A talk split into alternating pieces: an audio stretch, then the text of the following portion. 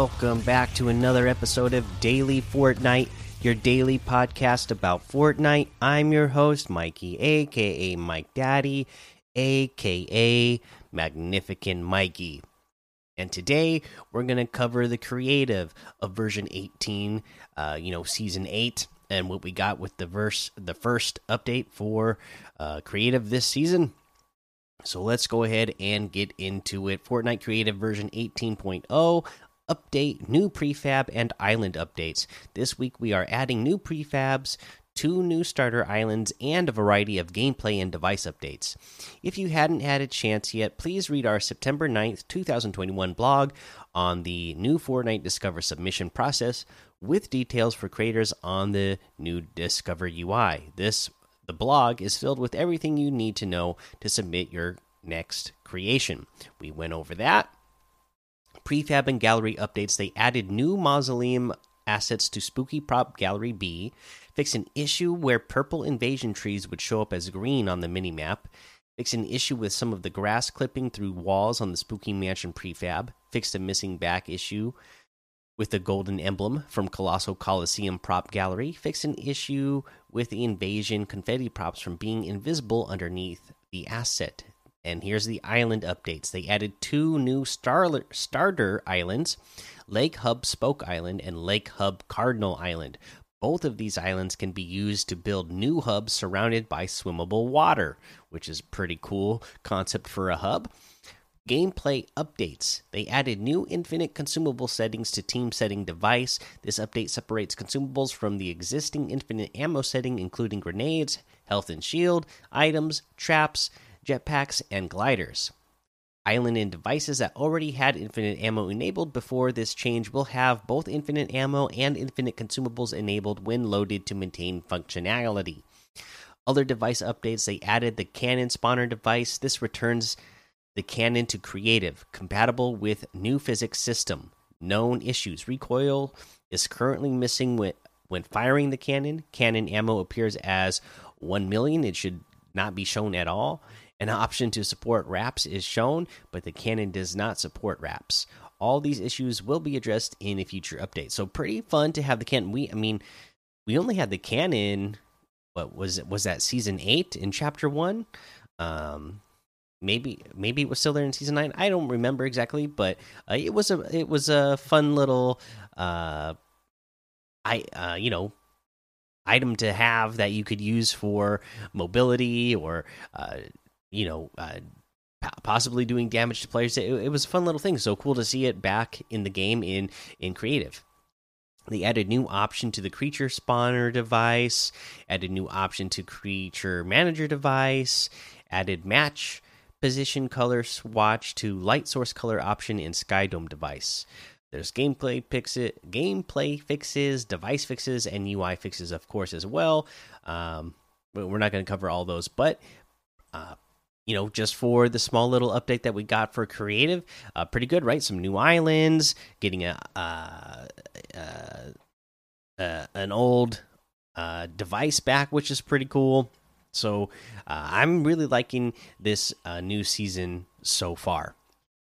Let's go ahead and take a look at some of the LTMs that are being featured right now. They have a whole uh, section for team uh, deathmatch. If you're into the death match stuff, you know, like obviously Team Rumble, but Red versus Blue, Rumble, Red versus Blue Lava, XA, Pro Red versus Blue Bounty. Um, they have a whole death run section of 500 level de default death run, 222 levels default death run, 111 levels default death run. Zombies mode, obviously, this might be something that you can go in and practice fighting against zombies since we have the monsters hanging around the map. The map this season, we have the Fiend Slayer Primal Survival, Cowtown Open World Zombies, Lockdown Horde Survival, Sunrise City Horde Survival. Uh, check some of these out. Uh, but yeah, that's some of the LTMs. Uh, and you know, the way they are doing the quests this season, it's just so interesting, right? Because uh, again, we're going back to the punch cards. I don't know if that's exactly my favorite thing in the world, but um, so I don't know how we're going to do that this how we're going to cover this section this season. Uh, but for the daily punch cards, uh, because everybody's going to have different, right? For the daily stuff and then the weekly.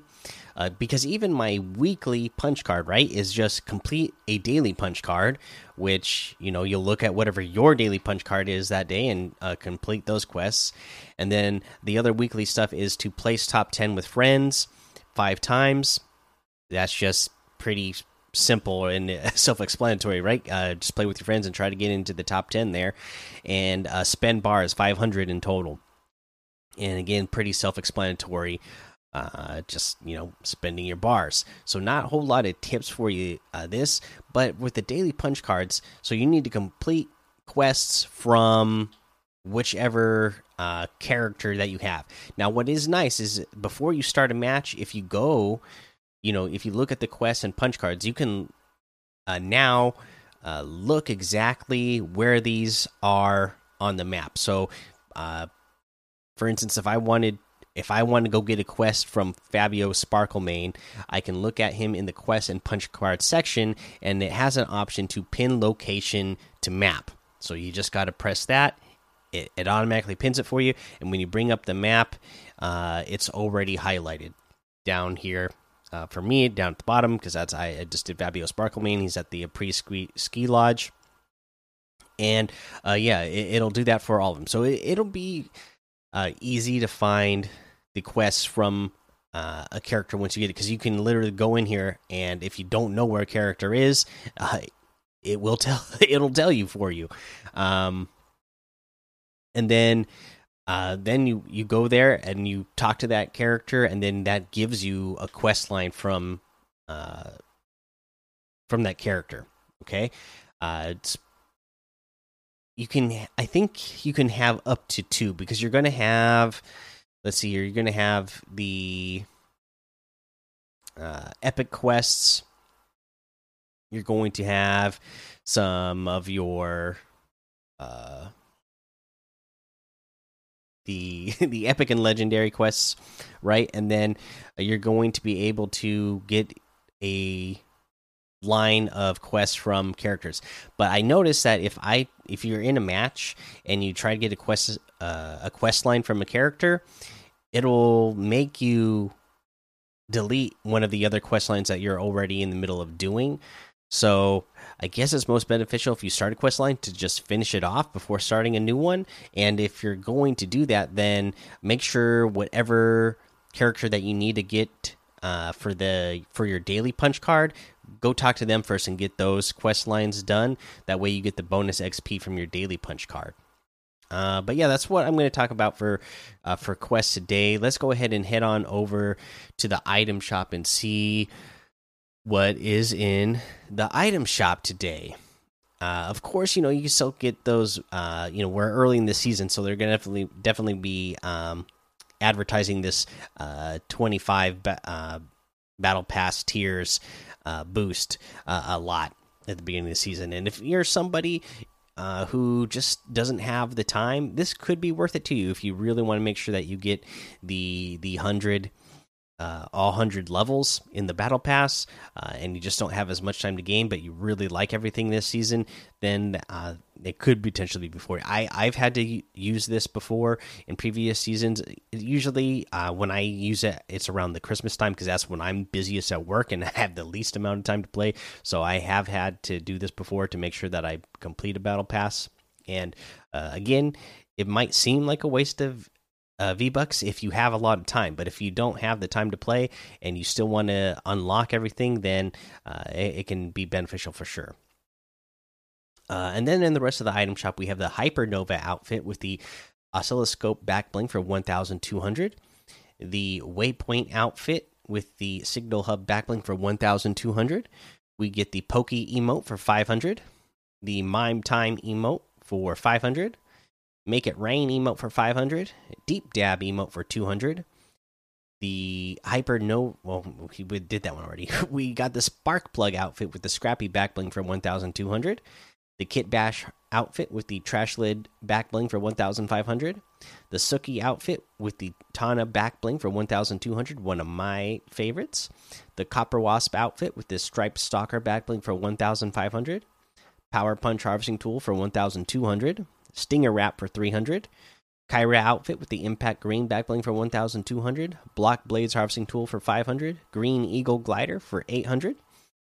Uh, and then we have their Ponce's locker bundle. I don't, I'm not familiar with this uh, content creator, but awesome that they got their own uh, bundle, right? And I, I gotta say they have some great taste. I really like this bundle. It's got the Fire outfit, uh, the Runic Shield back bling, the Sky Ray glider, the TriStar harvesting tool, and the Accolades emote, all for 2,400. That's 1,600 V bucks off of the total. So yeah, this is a. I really like this bundle. It's uh, you know really well put together. I think uh, you can get the Fire outfit with the runic shield back bling for 1500 separately the tristar harvesting tool is 800 the sky ray glider is 1200 the accolades emo is 500 and that looks like that's everything in the item shop today. So you can get any and all of these items using code Mikey M M M I K I E, and some of the proceeds will go to help support the show, and I really appreciate it.